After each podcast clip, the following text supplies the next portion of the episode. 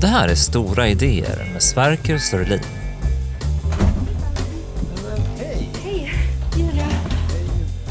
Julia Håkansson doktorerar på Malmö högskola. Hennes avhandling Historia och nationalism, en analys av Sverigedemokraternas och Dansk Folkepartis historiska berättelser.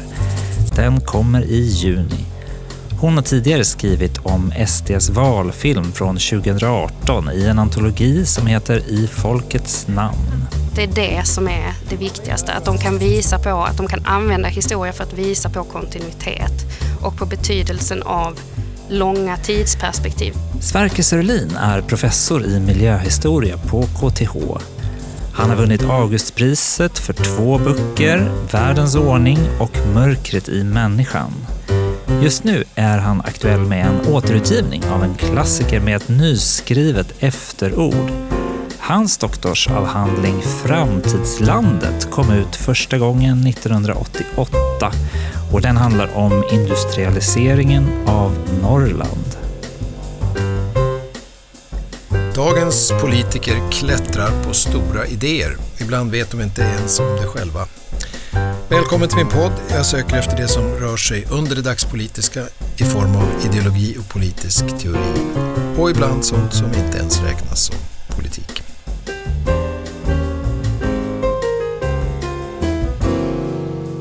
Och idag har jag bjudit in historikern Julia Håkansson. För jag är nämligen nyfiken på, man kan säga på Sverigedemokraterna egentligen och på deras eh, politiska tänkande. Och eh, varför är du då här Julia? Jag eh, skriver min doktorsavhandling om deras historiebruk och hur de använder historia i sina historiska berättelser om allt från Karl XII då till folkhemmet till exempel. En första jätteenkel fråga, men jag vill ställa den ändå. Är historia viktigt för Sverigedemokraterna? Ja, mycket viktigt. Och, och, mer specifikt kanske så är jag intresserad av Sverigedemokraternas kulturpolitik där ju historiesynen kan man säga ingår då. Hur kom du in på de här frågorna? Var, du är nyfiken nu och, och sådär men har du alltid varit det eller hur, hur började det? Jo men det började med att jag tittade i SD-Kuriren som ju är deras partiorgan eh, och hittade Engelbrekt Engelbrektsson i det här i tidningen ganska många gånger. Eh, bland annat så finns det ett omslag av SD-Kuriren där Jimmy Åkesson poserar bredvid en staty eller en, ett, ja, ett minnesmonument över Engelbrekt Engelbrektsson och det finns även olika artiklar då som uppmärksammar honom och så. Och stora har... Dalupprorets förste man kan ja, man säga. Precis, ja. Säg gärna lite mer om Engelbrekt så man får lite sammanhang. Ja, vem Engelbrekt var? Ja, men han var ju en eh, upprorsman på 1400-talet som reste sig mot överheten. Ehm, och det är ju i, i, den, i det värdet så att säga som han ingår i Sverigedemokraternas berättelse. Och det här sticker ju ut, eller det stack ut då på 90-talet när Engelbrekt var som mest förekommande i partiorganet tillsammans med andra hjältar som Karl XII, Gustav II Adolf och eh, en kanske lite mer anonym men ändå frekvent förekommande viking. Mm. Och det här var ju någonting som andra partier inte sysslade med. Mm. Inte de etablerade partierna i alla fall. Um, och jag intresserade mig för vad fyller historien för funktion? Vad är det som gör att de söker sig till historia? Och det jag hittade var ju att kraften ligger i berättelserna och det är ju vilken betydelse det tillskrivs nuet. Så Karl XII är ju intressant för att han inspirerar till ett politiskt agerande i nutiden. Också kan man ju se förändringar i detta. Karl XII och eh, Gustav Vasa och de här andra kungarna försvinner ju ungefär vid millennieskiftet. Då läggs de inte på historiens skräphög för de kommer tillbaka. I den senaste valfilmen till exempel så är det ju vikingar igen och karoliner. Mm. Varför tror du det tonas ner? Jo men det, det sägs i SD-Kuriren, eh, det är någon som resonerar kring detta då eh, några år senare som säger att det där var ingen bra strategi. Mm. Därför att de blev för, kanske för, eh, för historiserande alltså helt enkelt inte framstod så relevanta för dagens frågor? Att det var svårt att se samband? Ja, eller att det. man fick lite pajaseri över sig liksom? Det ligger någonting i den förklaringen. Men det kan också ligga någonting i de historiekulturella konnotationerna för Karl XII och vikingar till exempel. Att det är, ju kopplat till svensk nationalsocialism. Ja, och så blir det bråk på 30 november och Ja, inte bara en utan många gånger och, och man kanske inte ville förknippas med det. Så det liksom har att göra med den så kallade politiska mognaden inom precis. partiet kanske. Precis, och ett maktskifte i partiet då. Samtidigt som ja, man kan se att de samtidigt resonerar kring ehm, det här med att väcka till liv utdöda seder och bruk. Så jag ser det som att det där blir den nya strategin. Mm. En, en, en, förstärkt strategi. Men du forskar också om Dansk Folkparti, Mm. eller hur? Och s- förklara hur det hänger ihop. Men jag tyckte att det var intressant att jämföra med det parti som ligger närmst fast i en annan nationell kontext. Och då framförallt för att jag vill se hur den nationella historien påverkar hur man kan använda den här historien då i nationalistiska berättelser. Och Dansk Folkparti, ja de har ju en annan utgångspunkt, dels för att den, den danska historien ser annorlunda ut, men också för att Dansk Folkparti ju inte kommer från de eh, högerextrema kretsar som Sverigedemokraterna kommer ifrån. Så dels då så är det en, en mer etablerad nationell berättelse i Danmark som har att göra med ja, att de har varit i fler krig. Mm. De har förlorat landområden. Den här nederlagsnationalismen som ja, ger ett behov av en, en ökad närvaro av en nationell berättelse, en sammanhållande berättelse. Du, det här är jättespännande. Jag vill gärna komma tillbaka till det här med, med det danska också så småningom. Men, men eh, eh, jag har några ljudklipp här som vi har förberett. Och eh, vi ska börja med att lyssna till ett första då. Det är från eh, efter valet 2018. Eh, och där finns de här lite kända orden som man, som man använder, segra eller dö. Det är Martin Wiklin som intervjuar Mattias Karlsson då i söndagsintervjun i P1. Jag tänkte citera lite, bara för att eh, ge dig ett exempel på den här retoriken.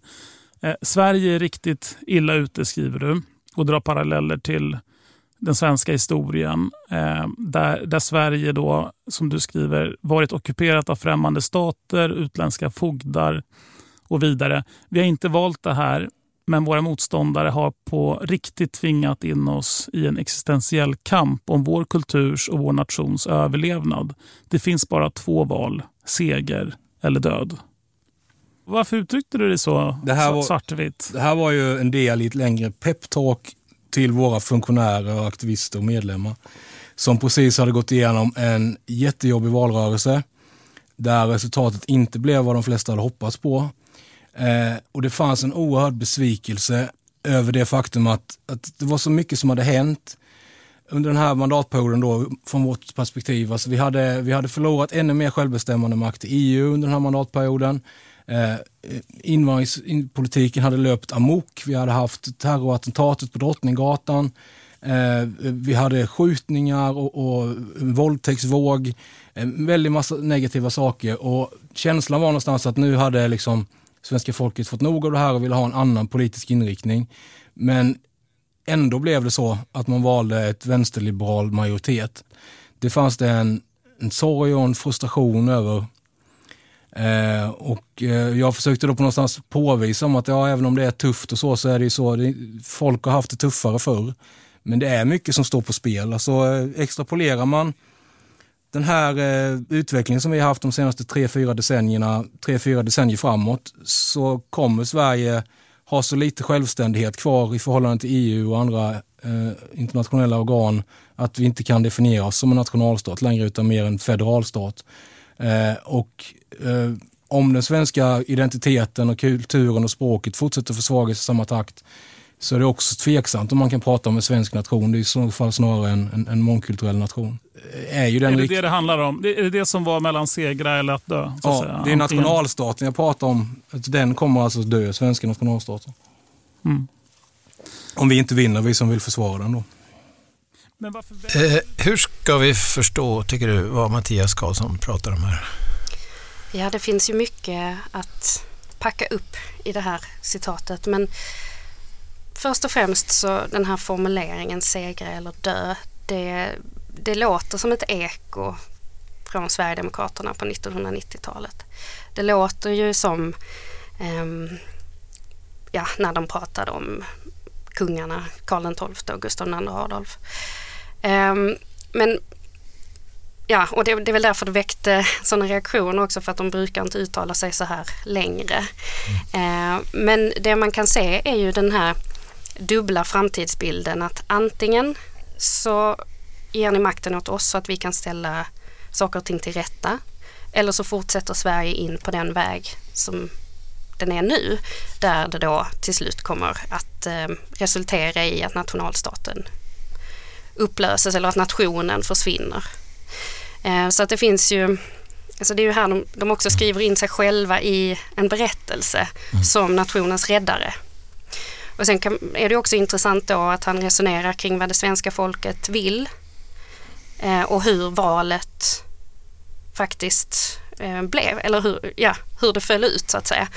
Um, och det är ju också en del i deras populism att de ju företräder folkets sanna röst. Mm. Så, det finns så folket är vilselett här? Ja, men det, så skulle jag tolka mm. hur han pratar här. Mm.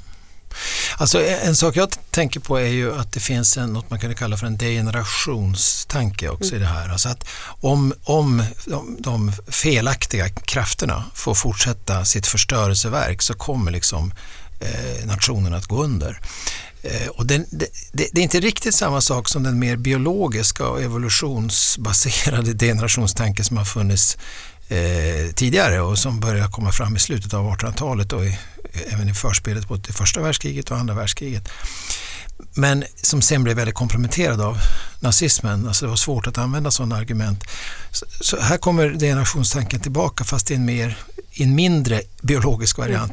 Mm. Även om man anar att under ytan så ligger det här, eftersom det betonas väldigt mycket svenskhet och att folket också har en organisk sida. Vi ska strax komma tillbaka till det. Så att det liksom, men det är just den här eh, nedåtgående rörelsen som partiet ska träda in för att, så att säga, vända uppåt igen. Precis. Om du skulle, eftersom det är ditt forskningsområde, kanske skulle, om du skulle karaktärisera Sverigedemokraternas historiesyn, vad är de viktigaste punkterna i den? Att de visar på ett brott mot en kontinuitet, en historisk kontinuitet där nationen har fått utvecklas på ett naturligt sätt och att det sen då har brutits i mitten på 70-talet mm. av ja, att den naturliga, alltså att det är en, det är en rubbning i, i de naturliga förhållandena. Och att det är det som är det viktigaste, att de kan visa på, att de kan använda historia för att visa på kontinuitet och på betydelsen av långa tidsperspektiv, till exempel då med den svenska kulturen, att den har fått utvecklas i Sverige under många hundra år. Och att tidsperspektivet har en betydelse. Så historien är stor och den är given. Mm. Och det rätta är att fortsätta låta den vara fundamentet kan man säga för den fortsatta samhällsutvecklingen. Och man ska vara försiktig med att gripa in där. Ja men precis, Kont kontinuitetsbaserad mm. syn mm. är det ju. Precis, och då blir konservatism en väldigt naturlig position mm. att inta. Det finns ju inte jättemånga i mitt intryck, men ändå några forskare som har, och journalister och som har skrivit om, om det här. En av dem är Per Svensson som gav ut en bok för, för en del år sedan och pekade inte minst på mellankrigstidens radikala högerströmningar som en inspirationskälla. Särskilt då unghögern som i och för sig är en lite äldre rörelse från början av 1900-talet men som eh, radikaliseras under mellankrigstiden, särskilt på 30-talet då det växer fram en organisation som heter Sveriges nationella ungdomsförbund. Och det finns en do gammal doktorsavhandling från eh, tidigare då, av Erik Wärenstam som studerar SNUs relation till högern i början av 30-talet och som Lennart Lundqvist har, har läst. Jag fäster mig i alla fall vid några saker som jag tycker är väldigt intressanta. Till exempel om man försöker ringa in då nyckelord i, i den här unghögerradikala debatten på 30-talet och jämför dem med de senaste årtiondenas retorik från Sverigedemokraterna så är det några ord som kommer tillbaka. Till att börja med det svenska, svenskhet och svensk och så. Folk, nation och även ordet kropp tycker jag är väldigt intressant. Kropp eller samhällskropp kanske. Att det liksom är en, eh, nationen är inte bara en idé utan den har någon sorts organisk sida. Eh, ingår det i den historiesyn som du har sett också? Ja men absolut, alltså de pratar ju mycket om nationen och vad som utgör nationen. Eh, och där kan man ju se i språkbruket att det förändras. Och nu på senare tid så pratar de ju om Sverige som en, ja, som en individ. Sverige mår inte bra kan de säga. Mm. Sverige är sjukt är ju liksom andemeningen då. Nationen är som en, en stor ja, organism, en, en individ och att alla nationens medlemmar utgör atomer eller vad man ska säga då i den här kroppen. Ju. Eh, vi kanske skulle lyssna till en, ytterligare ett sånt här eh, ljudklipp här där Mattias Karlsson på nytt då pratar om relationen mellan kultur och eh, politik. Eh, Anna Hedenmo är det här som intervjuar i SVT, ett program som heter Min sanning. Det är 2021 då. Kulturpolitiken sköts ibland lite vid sidan om, får man, kan man få en känsla av. Varför är de här frågorna så viktiga tycker du? Som jag ser på kultur i i dess allra bredaste mening så påverkar den ju allt. Den påverkar hur, hur, hur eh, vi tänker och känner, hur ekonomin fungerar, hur vi beter oss mot varandra, hur trygga vi kan vara, eh, vad för, vad för, för identitet och vad vi är lojala mot. Det är klart att det blir ju, har man den synen så blir det ju väldigt, väldigt viktigt. Och man brukar säga lite klyschigt att, att eh, politiken ligger nedströms från kulturen, men jag tror att det, det är sant. Politiken ligger nedströms från kulturen. Vad betyder det? Det betyder helt enkelt att kulturen påverkar och styr politiken mer än vad politiken styr och påverkar kulturen. Alltså hur vi människor är. Mm. Det, så det är ett- vitt begrepp du använder kulturen här. Ja. Ja. Och du vill ha en konservativ kulturrevolution, Mm. har du sagt. Vad, är, vad skulle det vara? Hur ser en sån ut? Det handlar om att göra upp med det, den första kulturrevolutionen här som kom 1968. När allting skulle ifrågasättas, förändras, brytas ner, dekonstrueras. Ehm, där, Den stora vänstervågen? Ja, och den fortsätter ju än idag. Man har fastnat i någon slags oändligt, aldrig slutande tonårsuppror som jag tror inte ens man vet var det ska sluta längre. Vad är det du menar när du säger det? Nej, men det är ju det här kulturmarxistiska, eller vad man nu vill kalla det för, kulturradikala perspektivet som handlar om att just allting ska ifrågasättas. Allting ska, som har varit bestående eller som har eh, traditionellt som har funnits länge ska rivas upp, rivas ner och förändras till oigenkännlighet. Och det tror jag är en väldigt, väldigt farlig väg för att det man gör också då är att man defragmenterar samhället. Man, man, man klipper av de band som har funnits i det här är ju som- som precis den uppfattningen jag har av deras politik. Att kulturen, eller kulturpolitiken ska ligga till grund för allting. Kulturen är så pass viktig för dem, men också svårfångad. Alltså, jag har ju studerat hur de använder begreppet över tid och, och, och vad det finns för olika komponenter i kulturen. Och det är ju ofta uppräkningar av vad den svenska kulturen består av som är ganska abstrakta. Och därmed också... Kan du ge ett exempel på? Ja men det är ju värderingar och normer, eh, alltså olika tankesätt men det är också då seder och bruk, eh, olika kulturuttryck, alltså de sköna konsterna. Så att det är ju, det är ju allt egentligen. Eh, och man, Det är inte en uppräkning av namn på kulturutövare, kompositörer och filosofer och eh, historiker. Eller, Alltså de förekommer ju också men inte, inte i det sammanhanget eh, kanske.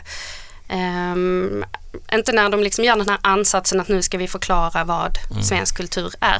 Men det är klart att det finns vissa kulturutövare som förekommer oftare än andra och, och framställs mer positivt. Och då är det ju framförallt 1800-talets kulturpersonligheter som figurerar. Det finns ju vissa modernare inslag men det är ju Scheier och, och Tegnér som är de viktiga som, som återkommer.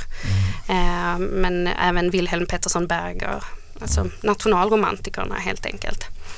Eh, och det är ju det här då som jag tolkar Mattias Karlsson, det är det här han syftar på som måste räddas. Och det kan man ju också se då i hans kulturkonservativa förening Gimle som du har skrivit som lite grann i, i det material jag har tittat på också. Och sen har jag ju också varit in och tittat i eller på deras hemsida och, och lite så. Men där kan man ju se liksom vilken kultur det är som ska räddas och det är ju den det är ju den kulturen man vill rädda på 1800-talet också, alltså den försvinnande bondekulturen, allmogekulturen. Men som då eh, Mattias Karlsson laddar med en betydelse. Mm. Skulle man inte kunna se det så lite grann att de här kulturutövarna, Geijer och eh, Tegnér och eh, Pettersson Berger och andra, som, som kanske är, är de som så att säga, är de, de, de står för ett, en sorts yttre skikt av det här kulturbegreppet egentligen. Och att in, innanför det ligger ett djupare, en djupare kulturförståelse som kanske fångas av de här orden som du använde nyss, seder och bruk. Alltså hur, och normer och värderingar, sånt som håller, och språk inte minst. Mm. Alltså att svenskan är ett uråldrigt språk som har funnits i tusen år kan man höra Mattias Karlsson säga till exempel. Han erkänner att den har förändrats. jag tror den har förändrats mer än han tänker på. Men, men i alla fall, det, det, det, och att det, på det sättet finns det liksom, man, man skapar ett kulturbegrepp som förenar både det ska vi säga, mer estetiska och finkulturella kulturbegreppet med ett mer antropologiskt eller etnologiskt kulturbegrepp. Och på det sättet så, så pratar man om kultur egentligen på ett sätt som överskrider den gängse kulturpolitikens kulturbegrepp som är betydligt snävare. Helt enkelt, som handlar väldigt mycket om just utövarna, deras autonomi, vissa spelregler för vad politiken får och inte får göra i relation till denna av staten stödda konst och sådär. Medan de har ett kulturbegrepp som, som är så stort att det genast väcker, liksom, det, det provocerar så att säga, när man använder det. Men, men det kulturbegreppet tänker jag att man bara kan förstå om man fogar in det i en större ideologisk förståelse av både historieutvecklingen och samhällsutvecklingen och politikens roll för att, så att säga, rädda det annars undergångsdömda mm. äkta samhället Sverige så att säga.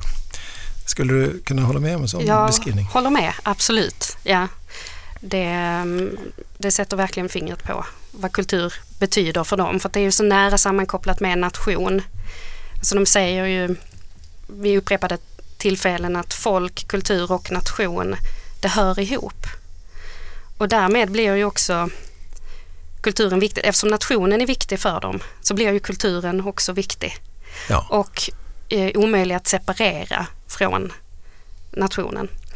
Och du sa också något annat intressant där och det är ju det här med tidsperspektivet och återigen så blir ju den här kontinuitetstanken att någonting har funnits länge och därav har det ett större värde. Mm. Och i det här brottet som jag pratade om tidigare, det här brottet i den historiska utvecklingen, då bryts också den utvecklingen av kulturutveckling som tidigare då har skett i ett naturligt tempo där svenskarna har kunnat välja impulser utifrån som de har velat inkorporera i sin kultur. Men där det nu inte går längre. Mm.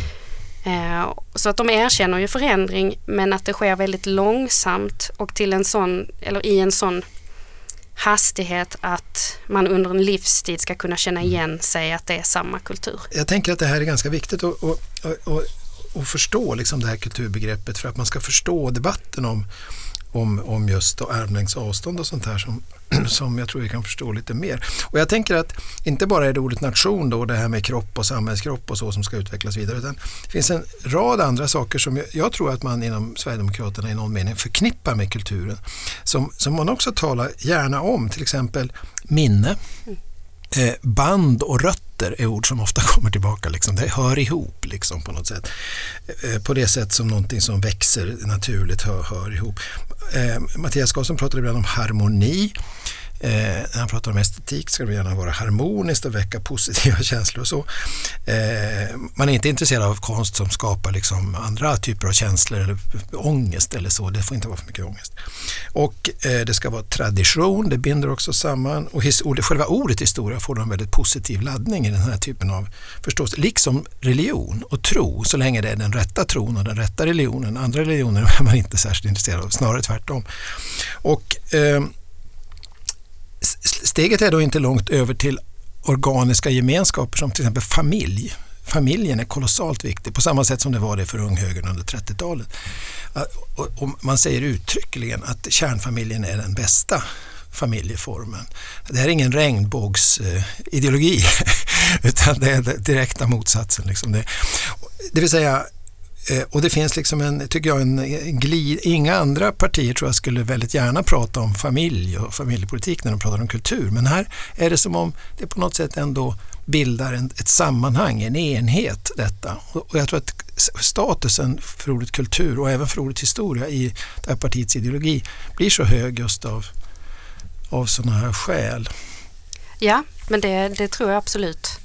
Ehm, och det är ju, de rang, rangordnar ju gemenskaper som individen ingår i och börjar ju då med liksom nationen och familjen och så här. Så det, det, är ju, det är ju nära sammankopplat.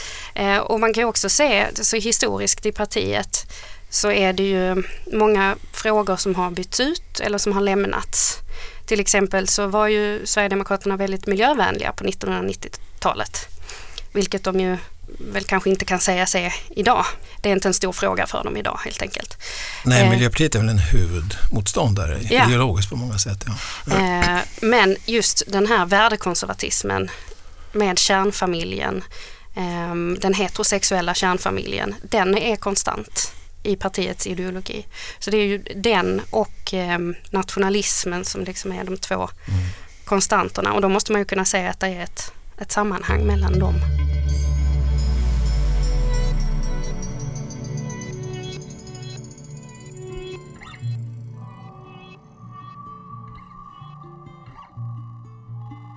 Sverigedemokraternas kulturpolitik. Det är ju ett område där partiets företrädare både på lokal och nationell nivå har formulerat sig många gånger, väldigt gärna som det förefaller, och där man står för uppfattningar som de flesta ser som långtgående, kanske vi kan kalla dem, och, och lite oortodoxa. Man förnekar principen om armlängds avstånd i kulturpolitiken som alla andra verkar överens om. Man tar ofta avstånd från samtidskonsten som man rätt ogenerat säger många nedsättande saker om. Lokala politiker talar gärna om vilken konst som är acceptabel för medborgarna och vilken typ av personer som ska anses lämpliga att läsa sagor till exempel för barn. Kanske vill man också så småningom bestämma vilka sagor som ska läsas, vi får se.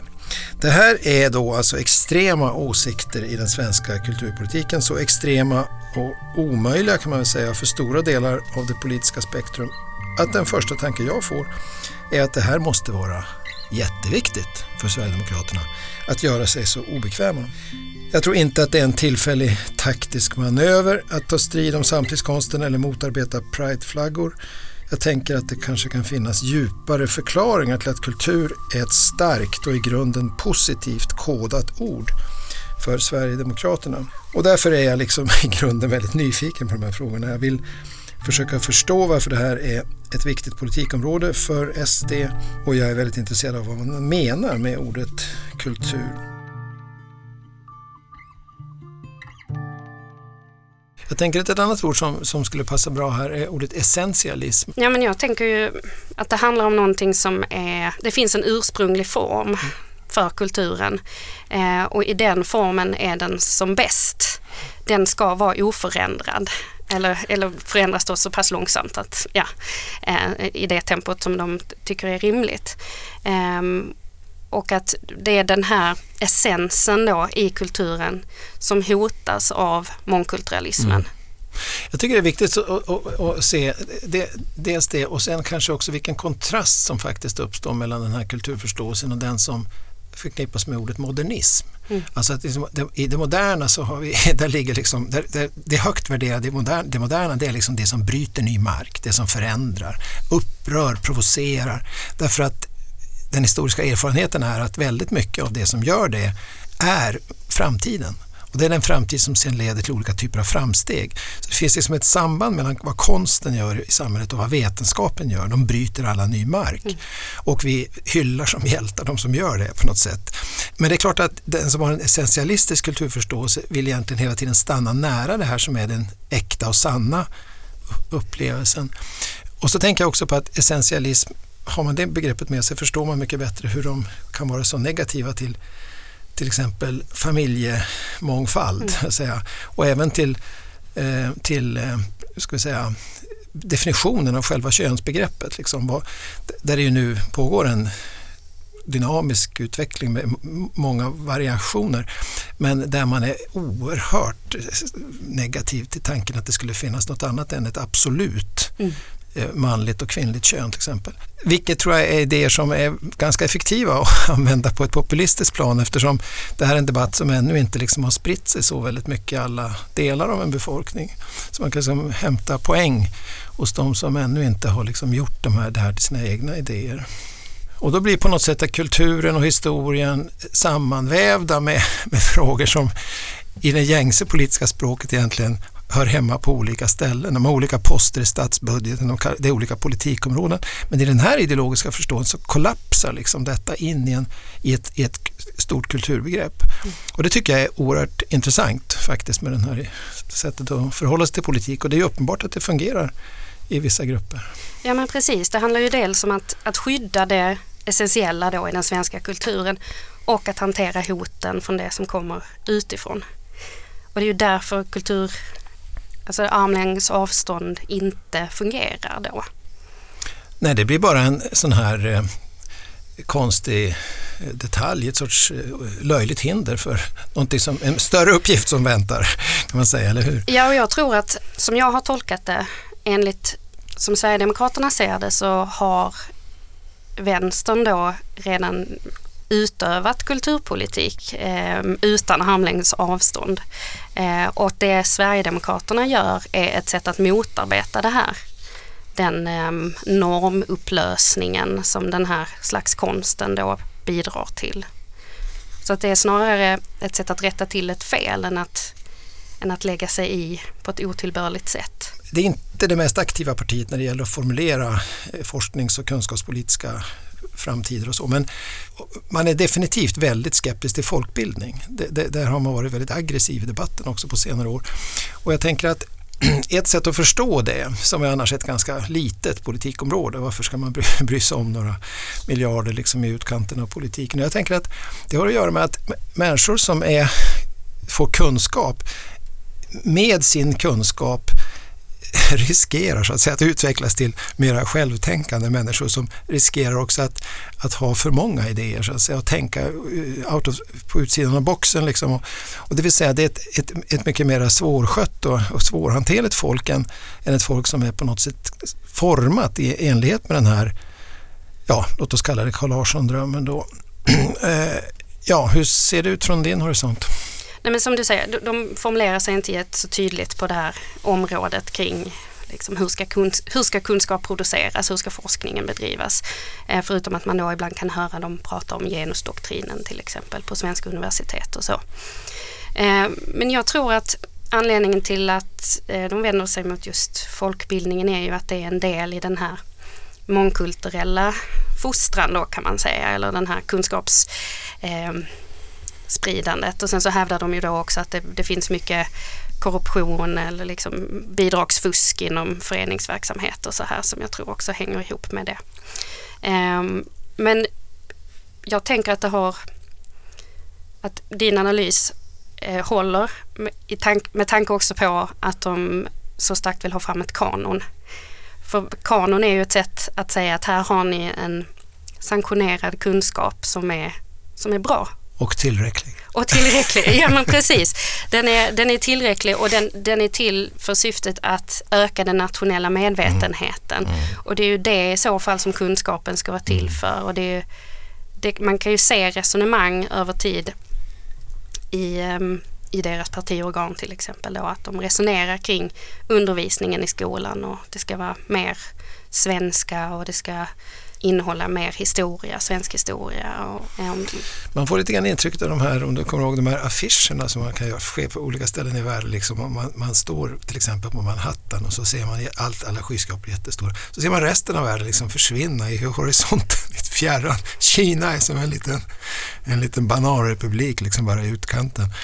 Eh, och det är väldigt roliga bilder det där. Jag har en sån, för jag, jag var gästforskare i Berkeley ett par år. Då eh, så, eh, så finns det affischer, liksom Berkeley är världens centrum och liksom, redan New York är ganska avlägset för att inte tala liksom om Europa och, och Asien och sådär. Det är lite grann så här också, man får känslan av att man, man står någonstans i Dalarna och liksom tittar ut över ett, ett sorts ursvenskt landskap och så försvinner resten av världen i fjärran. Att det är liksom en ganska skev bild av hela jorden. Och att den historiesyn som du då är på jakt efter i din forskning, den, den, den kanske då är också ungefär likadan. Att den uppehåller sig väldigt mycket vid det som är mycket näraliggande mm. och på det sättet marginaliserar mycket av det som har hänt, vilket ju är väldigt svårt att göra med tanke på den allt mer integrerade värld som vi har fått. Vi har fått globalisering, vi pratar om antropocen, vi pratar om en mängd ting som så att säga underminerar den här förståelsen.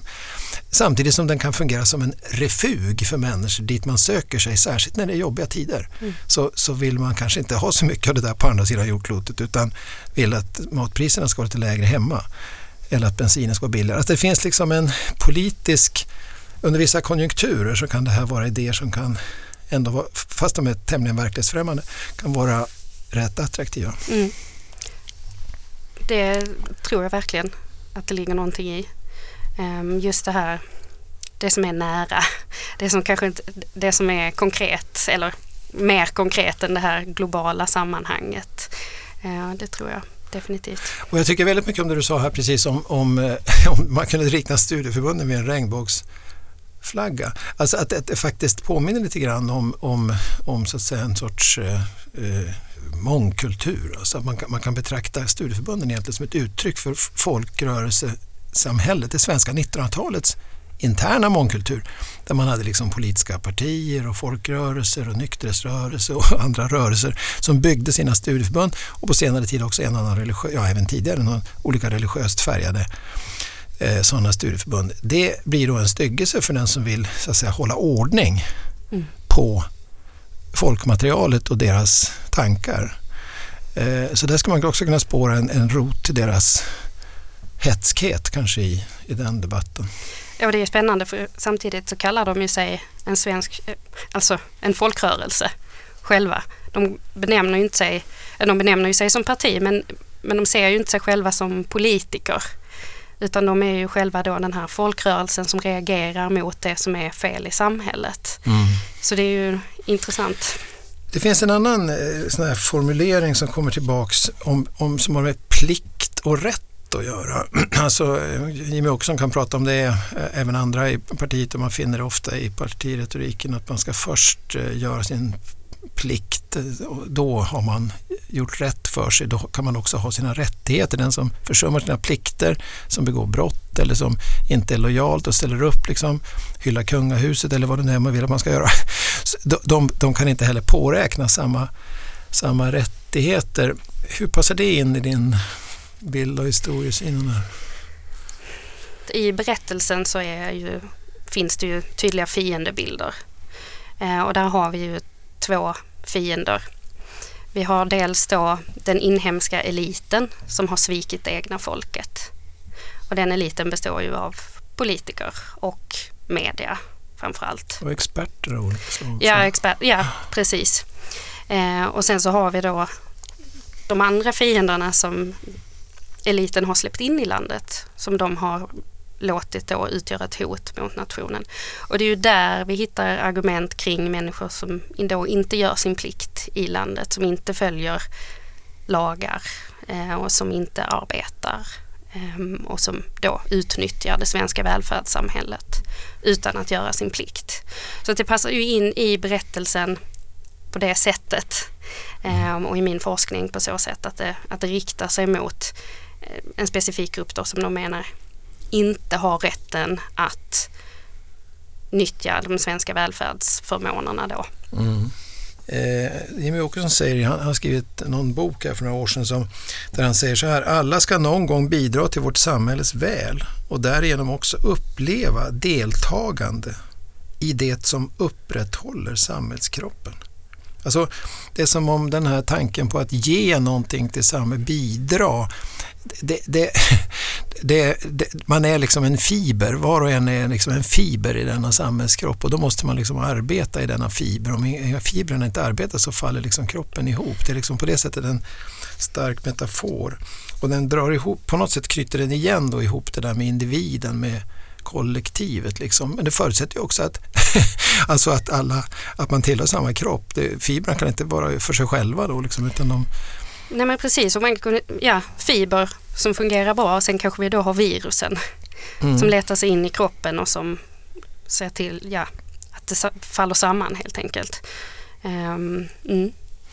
Men, men det, fin det, finns väl också någonting som eh, är lite tilltalande det där. Alltså att man, eh, norrmännen har det som de kallar för dugnad. Liksom man ska bidra genom alltså frivilligarbete och sådär. Vilket för övrigt många folkrörelser pratar om. Och, in, och även studieförbunden pratar mycket om civilsamhällets eh, ideella sida och sådär. Eh, så att, så, så att det är ibland lite svårt att frilägga vad som är det specifikt eh, Sverigedemokratiska i det här. Men någonstans säger också också att det här ska man hålla på med hela livet. Alltså det ska vara någon sorts, uh, ungefär som man tänker sig att vissa till exempel religiösa församlingar de liksom ger kollekt till sin egen församling år efter år efter år. Och uh, att det, det, är en form av uppställning som lite grann står i strid med det, själv, det, det självständiga och frivilliga och individuella eller autonoma skulle mm. man kunna säga. Att de är inte är så jätteförtjusta i väldigt autonoma personer som liksom kan gå sin egen väg. Precis, det är, ja och det är ju nationalismen att nationen kommer före individen. Precis, vi har ett sista ljudklipp som vi ska köra här. Ja, och det här klippet är då från eh, Sverigedemokraternas eh, Youtube-kanal, Riks. Och det är Rickard Sörman och Dick Erikssons röster vi hör här. Och så kan man ju tycka att det, värdet, eh, att det svenska har ett egenvärde också. Jag menar, Sverige har funnits som nation i tusen år och vårt språk har varit detsamma även om det utvecklats naturligtvis. Och det har väl ett egenvärde. Ja, ja visst, det är precis. ett fantastiskt äventyr det här med den svenska mm. kulturen och den svenska nationen. Och när då den här kultureliten som vi kommer se sen mm. vänder sig så starkt emot mm. att vi ska försöka etablera en kulturkanon, då är det som att de vägrar se betydelsen dels av globaliseringen som mm. du var inne på med internet. Jag menar ungar idag, de sitter och tittar på Youtube eller deras mm. egna eh, plattformar och lyssnar på koreansk pop. Mm. De bryr sig ju inte om Ulf Nej. Lundell eller ABBA eller vad, vad är ändå vår moderna eh, musikkanon. Än mindre om Evert Taube Bellman, det har de väl aldrig hört talas om. Nej. Och, eh, och sen så har vi naturligtvis de omfattande demografiska förändringarna. Vilket gör att nästan en majoritet av barn som växer upp i Stockholm och Malmö idag inte har någon som helst historisk koppling Nej. till Sverige. Nej. Och de har alltså heller ingen större lust att knyta an Mm. Antagligen, de flesta av dem. Eller och, och i ett sånt ingen... läge, ska avsluta, ja. så är det här med att upprätta en kulturkanon, eh, sen beror det på vad man gör med det naturligtvis, det är ju en försvarshandling. Mm. Mm. Det inte, handlar inte om att vara auktoritär, nej, nej. nu måste alla, mm. utan nu gäller det att rädda vad som räddas går. Det är så jag ser det. Ja, och Jo men det sammanfattar ju deras kultursyn som ett försvar mot det utifrån kommande hotet mm. om mångkulturalismen det ska vara ett sätt att upprätthålla det svenska, kanske till och med återuppväcka det svenska som då kanske har fallit i glömska, eh, medvetet eller ej. Eh, man kan väl också tänka eh, att det här inte känns väldigt välgrundat. alltså att det skulle vara så här att, att så få, även bland yngre människor, skulle känna till. Alltså, det skulle betyda en, ett komplett förfall i svensk skolundervisning till exempel. Är det möjligt att föreställa sig det? Skulle det ha varit så otroligt mycket fler som känner till Bellman på 50-talet än det är på 2020-talet? Det är liksom någonting besynnerligt i, i detta. Eh, och då tänker jag att den här typen av politisk retorik förutsätter en lite en ovanligt grov form av generalisering mm. för, för att fungera. Eh, eller hur? Alltså det är sorts, ja. På ett schablonmässigt sätt talar man om, om, folkets egenskaper under olika perioder till exempel och kunskapsnivå. Och mm.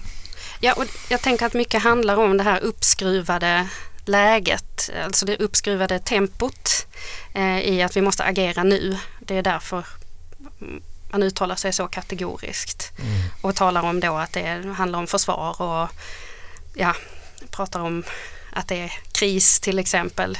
Eh, det blir ju ett sätt att, att säga att nu måste vi agera och det måste, det måste hända snabbt och det måste ske kraftfullt. Eh, ja, det är bråttom. Vi måste ja, rädda vad som räddas kan. Det är bråttom. Ehm, Medan då man kanske inte vill kalla miljön kris. Där vill man inte använda det ordet kanske för att det det förutsätter ju att, att någonting måste hända. Eh, så att eh, just Alltså kanon, och har, den här tanken har de ju lagt fram sedan 2010 och pratat om eh, länge. Det är ju liksom en etablerad tanke men då tänker de ju sig att några experter ska tillsätta det här kanonet. Mm. Eh, och där är jag nyfiken på hur de sen ska hantera det kanonet. Alltså, eh, mm. Jag tänker att de, de ändå har en väldigt specifik bild av vem ja, vad det är. Vad tror du att man ska göra om man får bestämma? Om, om de får bestämma mm. och, eh, vad kanon skulle innehålla? Ja, eller? Inte kanske, ja, dels det, men, men kanske ännu mer vad du var inne på, nämligen vad, ja. vad ska man göra med? Vad man ska göra med det? Ja, men då tänker jag, som i Danmark så blev det ju en bok. Ehm, och sen så blev det ju inte sådär mycket mer eh, av det. Ehm, det infördes ju en del andra kanon sen också, till historiekanon bland annat och så. Men jag tänker att det, det kan ha att göra med eh, att man vill lägga fokus på någonting som man menar inte har lagt tillräckligt mycket fokus på. Alltså att det är ett sätt att eh, säga att den svenska kulturen är viktig att prata om snarare än vad det faktiska utfallet blir. Eller så vill man ha ett kulturkanon som ska ingå i undervisning, som ska då till exempel kunna premieras vid olika, eh, ja men i kulturutövande, att det är den kulturen som är kopplad till kulturkanonen eh, eller kanonet, att, att den får företräde. Man ska styra investeringar kanske i på kulturpolitikens ja. område eller folkbildningens eh, inriktning och innehåll. Det, Precis. det, det får vara en öppen Man kan också tänka sig att det kan knytas till medborgarskapsförståelsen. Mm. Alltså vad ska man kunna för att få ett medborgarskap? Man ska ja. kunna svenska, så man ska kunna räkna upp kanske tio kungar. eller några diktare som har liksom verkat i Sverige. Man ska kunna någon vers av Bellman och sådär. Annars får man inte bli medborgare. Eh, eller så. Eh, det är lätt att raljera över det här förstås eftersom jag, jag tycker personligen att det märkligaste med det här är att det är så väldigt lite som man vill göra till kanon. Att, att det liksom, kunskapsnivån är så el, extremt elementär mm. att det framstår nästan som en parodi. Eh, men eh, man, man, eh, och jag, det är väl det här att det kanske ändå ingår i ett, så att säga, ett, begränsnings, ett avgränsningsprojekt. Vilket ju återigen står i väldigt skarp kontrast till mycket av utvecklingen efter andra världskriget som har handlat om en expanderande värld liksom på alla möjliga sätt, på gott och ont kanske men, men här är projektet en avgränsning och att det är bara möjligt att förstå liksom en sån här historiesyn och en sån här samhällssyn om, om man tänker sig den väldigt avgränsat och då blir också det främmande störningar eller virus eller så som borde, borde bort Annars går inte den avgränsningstanken att upprätthålla. Nej men precis, det handlar ju om att ringa in det svenska och att då skydda det. Att mm. ge det en, en slags sanktionerad status gentemot det här andra mångkulturella, det, det som hotar.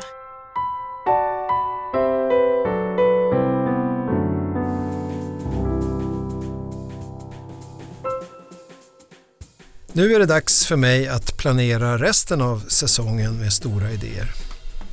Vilka teman borde jag ta upp tycker du? Vilka tankar har väckts hos dig som lyssnar hittills? Du som vill kan mejla mig på adressen podd.arenagruppen.se podd.arenagruppen.se Vi hörs! Ska vi alldeles i slutet här då bara gå tillbaks till Danmark och Dansk mm. Folkparti. Vi pratar nästan hela tiden här om Sverigedemokraterna och deras historiesyn och kultursyn och bildningssyn och så. Eh, om vi då går tillbaks till Danmark, på de här punkterna, hur skiljer sig eller är lika eh, Dansk Folkparti från Sverigedemokraterna? Alltså kontexten var ju annorlunda i Danmark om man tänker på ehm, just med kanonen då. Eh, där åkte ju Dansk Folkparti med på den högerpolitiska vågen i Danmark där man pratade om värderingskampen och kulturkampen och så vidare. Men de har ju en liknande syn på kultur och nation och folk som tätt sammanhörande. Även om jag skulle säga att den är mer utpräglad i Sverigedemokraternas fall. Alltså man diskuterar det mer, man uppehåller sig mer vid begreppen. Och det är kanske för att i Danmark är det tydligare vad man pratar om när man pratar om den danska nationen. Att mottagarna vet, de har en tydlig bild av vad den danska nationen är för att den berättelsen är mer etablerad. I Sverige har vi kanske inte en lika etablerad berättelse om ja, vad Sverige är, Sveriges historia till exempel. Den är kanske mer kontroversiell. Vi har haft en ganska stark ska vi säga, socialdemokratisk framstegsberättelse om 1900-talet. Mm. Eh, men en, ganska många i samhället kanske tycker det är inte en så bra berättelse, så man borde ha en annan. Men man har inte lika lätt att formulera en annan. Och därför så finns det något sorts underliggande osäkerhet om vad som är den moderna svenska historien med, i bestämd form. Ja, men också tror jag att det har ju funnits en tendenser i offentlig svensk historieförmedling att dekonstruera svensk, alltså mm. narrativet om Sverige. Mm. Um, Skulle du mena att det inte har förekommit i samma utsträckning i Danmark? Nej, det tror jag inte. Om man väldigt många dekonstruerande danska historiker. Ja, jo, absolut. Men jag, jag, tänker på om vi tittar på eh, DRs tv-serie Historien om Danmark som kom ut för ett par år sedan. Mm. De tillhörande böckerna och även eh, Danska nationalmuseet om man tittar på vissa utställningar där som görs som är väldigt eh, nationellt inriktade. Jag tänker också att det finns en skillnad på vad historikerna gör och på vad eh, människor i allmänhet gör. Ja, naturligtvis. Alltså det, där har ju historikerna i Danmark har försökt länge att ifrågasätta hur stor motståndsrörelsen egentligen var under andra världskriget och det är ju i princip omöjligt att ifrågasätta. Eh, vad heter han, Werner Svensson som jobbade på, på DR som fick hot efter att han liksom försökte få fram en annan bild mm. Av vad det egentligen var som hade hänt. Så att det är ju inte bara historiker som formar historiens betydelse i samhället utan det, det kommer från många olika håll ju. Det är ju ingen trickle down effekt. Nej precis, och man skulle kunna säga att vad vi just har pratat om här en timme nu det är ett exempel på det. Mm. Eh, dels att vi själva står och pratar men också att vi pratar om de som formar historieförståelsen utifrån väldigt bestämda motiv och avsikter. När vi pratar om om den här kanontanken som ju ungefär 2010 säger du att den togs över mm. då. Mm. Och då, hade den, då kom den i säck men den hade varit i påse hos Liberalerna. Ja. Det var ju en praktgrej liksom för Jan Björklund att köra fram det här med kanon. Och han fick en hel del människor med sig på det där och det gjordes små utredningsförsök men ingenting hände, det föll liksom ihop. Och jag kommer ihåg ett nummer av Historielärarnas förenings årsskrift. Man hade bjudit in en lång rad eh, professionella historiker och kommenterade det där. Eh, och jag skrev själv en bit om det där också. Då. Vi kanske var 12-14 stycken som skrev. Inte någon tyckte att det var en bra idé. av de som ändå, vi som ändå är historiker. Och, och eh, det är väl lite betecknande för just relationen också kanske mellan mm. det professionella historikersamhället och mer ideologiskt drivna kanonprojekt. Ja men precis, jag tänker att i, i det här fallet är det ju så tydligt en del i, i det nationella projektet. Nu vet jag inte hur det ser ut när Liberalerna la fram förslaget om det liksom format på ett likadant sätt eller om det snarare handlade om att man var rädd för att bildningen, alltså det ramades in på ett annat sätt kanske. Det var nog kanske lite en annan inramning men det var ändå den här lite tio toppkänslan man hade. Ja, just det. Mm. Och då var ju det danska exemplet rätt färskt så man kunde ja. hänvisa till det. Och då hade det ju precis införts eller några år tidigare. Mm. Ja. Mm. Um, ja, men det, jag tror att det, man tänker sig det kanske på lite olika sätt. Uh, som sagt, alltså i, i, med utgångspunkt i Sverigedemokraternas kultursyn och hur tätt den hänger samman med nationen och folket så blir det ju en del i det nationella projektet att återställa den svenska nationens status i Sverige eller ställning i Sverige. Det var fina avslutningsord tycker jag. Eh, än en gång tack till dig Julia Håkansson för att du kom till min podd Stora idéer och talade med mig om Sverigedemokraternas historiesyn och kulturförståelse. Tack så mycket. Den här podden spelades in i Arenagruppens studio i Stockholm. Gillade du vad du hörde? Sätt gärna ett betyg i Spotify-appen så kan fler upptäcka oss. Intervjuklippen kom från söndagsintervjun i Sveriges Radios P1, från Min sanning i SVT och från SDs Youtube-kanal Riks. Klippning och mix Simon Karlsson. Producerade gjorde jag som heter Rasmus Malm.